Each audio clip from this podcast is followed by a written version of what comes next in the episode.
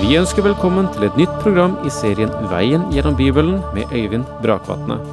Denne studieserien er produsert av P7 Kristen Riksradio og bygger på serien Through the Bible av Vernon McGee. I dag fortsetter vi med Johannes' åpenbaring.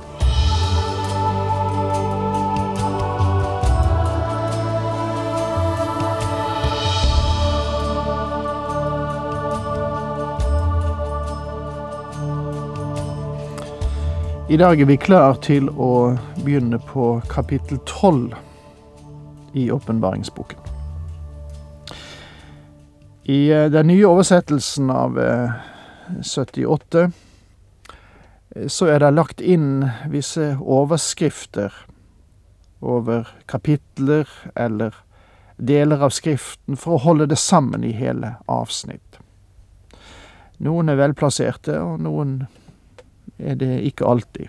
Men over den, den delen vi nå starter på, står det 'Den store kamp', som omfatter kapitlene 12 til og med 14. Og det kan vi sikkert si, selv om vi har stor kamp også tidligere i åpenbaringsboken og vil få det efterpå. Men stor kamp er det, for nå må vi ikke glemme at vi står ved de avsluttende dramer i eh, historien. Historien slik vi Ja, vi skal si slik vi kjenner den, og slik vi ikke kjenner den. For her i åpenbaringsboken møter vi historier som vi ennå ikke kjenner, og som vi tross alt vet kommer, slik han anviser som har historien i sine hender. Temaet i det tolvte kapitlet, som vi nå går inn i, er den avsluttende konflikten mellom Israel og Satan etter at han er blitt kastet ut av himmelen. Syv skikkelser, eller aktører, kalles frem for oss i kapittel 12 og 13, når den syvende basun blir blåst i under siste del av den store trengsel. Selv om den syvende basun fører oss gjennom den store trengsel og tusenårsriket til selve dørstokken til evigheten, så er det en del detaljer som er utelatt. Dette kompenseres ved det som sies om de syv skikkelser, som begynner med kapittel tolv, og som spiller en dominerende rolle under den store trengsel. Etter det kommer scenen med de syv vredeskålene som tømmes ut, og så den avsluttende ødeleggelse av det kommersielle Babylon og det religiøse Babylon. Og her kommer Israel i forgrunnen. Det ble antydet i det foregående kapittel ved målingen av tempelet på jorden og åpning av tempelet i himmelen. Og siste vers i kapittel 11 er faktisk åpningen av dette tolvte kapittel. Disse syv skikkelser representerer personer, både naturlige og overnaturlige, fysisk og åndelig, herskere og folkeslag. Å kjenne disse og få klargjort hvilken rolle de spiller, er vesentlig for en riktig forståelse av åpenbaringsboken. Og det håper jeg du vil se når vi nå tar for oss den første av disse personlighetene. Og nå kommer vi til det store krukset når det gjelder tolkningen av hele åpenbaringsboken. For det dreier seg om denne første personen, og jeg tror at det å være klar over hvem denne kvinnen er i begynnelsen av kapitlet, er nøkkelen til forståelsen av mye av åpenbaringsboken. Et stort tegn viste seg på himmelen en kvinne som var kledd i solen, med månen under sine føtter og med en krans av tolv stjerner på hodet. Hun var med barn og skrek i barns nød og fødselsveer. Det viktige spørsmålet er hvem er kvinnen? Og du er sikkert kjent med tolkningen om, som Romerkirken gir, at hun representerer jomfru Maria. Det finnes fortolkere på på protestantisk mark som har vært like langt fra sannheten som det. I dag er det flere av dem som følger tendensen mot Rom og tolker kvinnen som menigheten eller kirken gjennom alle tider. Enten dere tror det eller ei, så har det vært flere kvinnelige grunnleggere av kulter som ikke kunne motstå fristelsen til å se seg selv i bildet av denne kvinne. Og jeg tror den mest kjente er Joanne Southcott, som sa at hun var denne kvinnen i Åpenbaringen 12, og at hun i oktober 1814 ville føde guttebarnet. Det gjorde hun aldri, men hun fikk 200 000 etterfølgere. Og jeg tror vi kan avvise alle påstander fra kvinnefronten når det gjelder å tolke inn noen av sine egne i dette bildet i Skriften. Identitetstegnene for denne kvinnen er solen, månen og stjernene. Disse tilhører Israel, slik vi møter det i Josefs drøm. Og La oss nå gå tilbake til første Mosebok, kapittel 37, og lese vers 9 og 10. Siden hadde han enda en drøm som han fortalte til brødrene sine. Nå har jeg hatt enda en drøm, sa han. Solen og månen og elleve stjerner bøyde seg for meg. Da han fortalte det til faren og brødrene, kjente faren på ham og sa, Hva er det nå du har drømt? Skal virkelig jeg og din mor og dine brødre komme og bøye oss til jorden for deg? Gamle Jakob tolket solen, månen og stjernene til å bety seg selv, Rakel og Josefs brødre. Og de bøyde seg virkelig for Josef før historien var avsluttet selv om Rakel var død det øyeblikk det skjedde. Kvinnen er et tegn i himmelen, selv om hennes funksjon er her på jorden. Hun er ikke en kvinne i bokstavelig forstand, hun er et symbol. Hennes situasjon korresponderer med Israel, for det er Israel som fødte frem Kristus, som er barnet. Ved juletid bruker vi alle Jesaja 9 vers 6 og andre vers angående Kristi fødsel. Dette verset angår Kristi fødsel, men det angår ikke oss alle. I stedet er det slik at det angår Israel.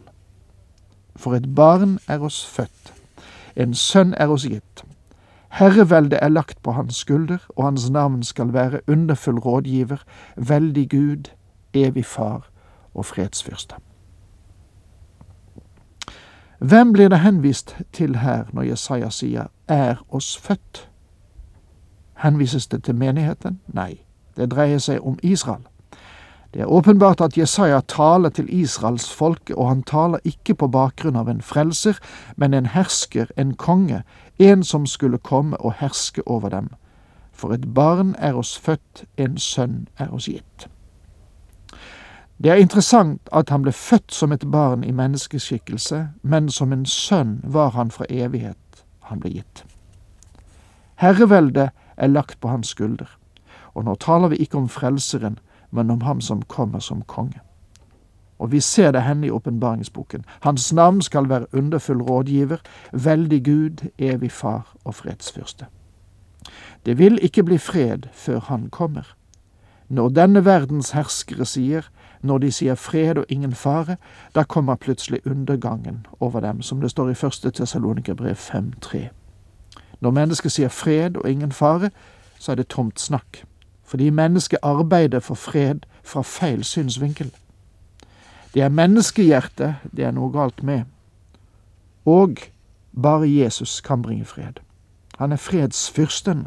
Jesaja taler til Israel når han sier 'For et barn er oss født', og det er det bildet Johannes tar opp i åpenbaringsboken. Forfatteren til hebreerbrevet sier det er en kjent sak at vår Herre er utgått fra Judas stamme, som det står i Hebreerne 7 vers 14. Paulus skriver i Romerbrevet 9 vers 4 og 5.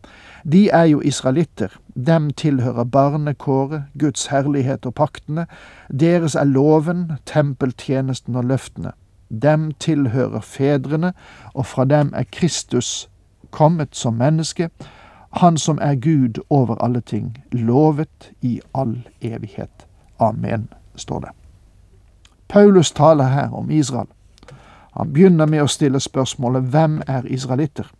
Og svaret er blant annet at fra dem er Kristus kommet som menneske. Kvinnen ved Sykars brønn var presis i sin beskrivelse når hun identifiserte den Herre Jesus som en jøde. Hvordan kan du som er jøde, be meg, en kvinne fra Samaria, om drikke? Johannes 4, vers 9. Og vi leser i Mika 5, vers 1-2, men du, Betlehem, Efrata, den ringeste blant ættene i Juda, fra deg lar jeg komme en mann som skal være hersker over Israel. Han har sitt opphav i gammel tid, han er fra eldgamle dager. Så lar Gud dem gå sine egne veier, inntil hun som skal føde, har født. Da kommer resten av hans brødre tilbake til Israels sønner. Legg merke til at han vil bli født i Betlehem, men han kommer fra evighet av. Barns nød og fødselsvær er et bilde som er knyttet til Israel. Hør hva Jesaja skriver i kapittel 66. Før veene kommer, har kvinnen født. Før riene kommer, har hun fått en gutt. Hvem har hørt noe slikt? Hvem har sett noe lignende? Kan et land bli til på en eneste dag? Kan et folk bli født på et øyeblikk? Men Sion fødte sine barn med det samme veene komme. Israel vil gå gjennom den store trengsel etter at Kristus ble født i Betlehem. Før veene kommer, har kvinnen født, betyr Kristus. Og Derfor tillater jeg meg å identifisere denne kvinnen som Israel. Ingen kvinne som har levd, inkludert jomfru Maria, passer inn i dette. Det er Israel og visselig ikke menigheten gjennom alle tider. Og om vi bare holder fast ved merkene her og ikke taper hodet, så vet vi at dette er den store trengselstid, og at menigheten allerede befinner seg i himmelen. Ja, igjen må jeg bare si slik jeg ser dette. Og med det må jeg også si at denne kvinnen er ikke kirken gjennom historien. Israel har sannelig litt under sataniske, antisemittiske krefter fra Kristi fødsel til dette øyeblikk, ja, selv før det, for Satan visste at Kristus ville komme fra dette folket. Men nå fremstilles en ny karakter for oss, og denne karakteren er ikke behagelig. Dette er den røde drage.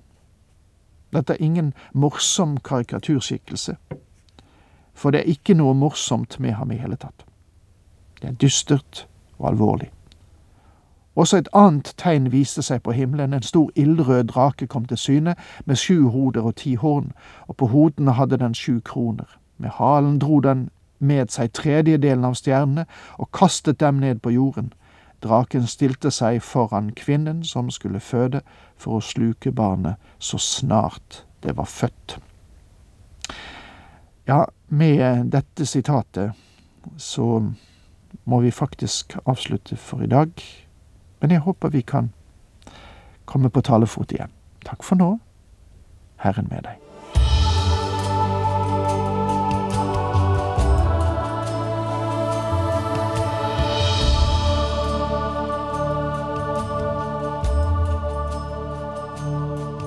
Du hørte Øyvind Brakvatne i studieserien Veien gjennom Bibelen. Serien bygger på et manus av Vern McGee. Har du spørsmål eller kommentarer til programmet, kan du sende en e-post til vgb krøllalfa p7.no. Takk for i dag, og på gjenhør.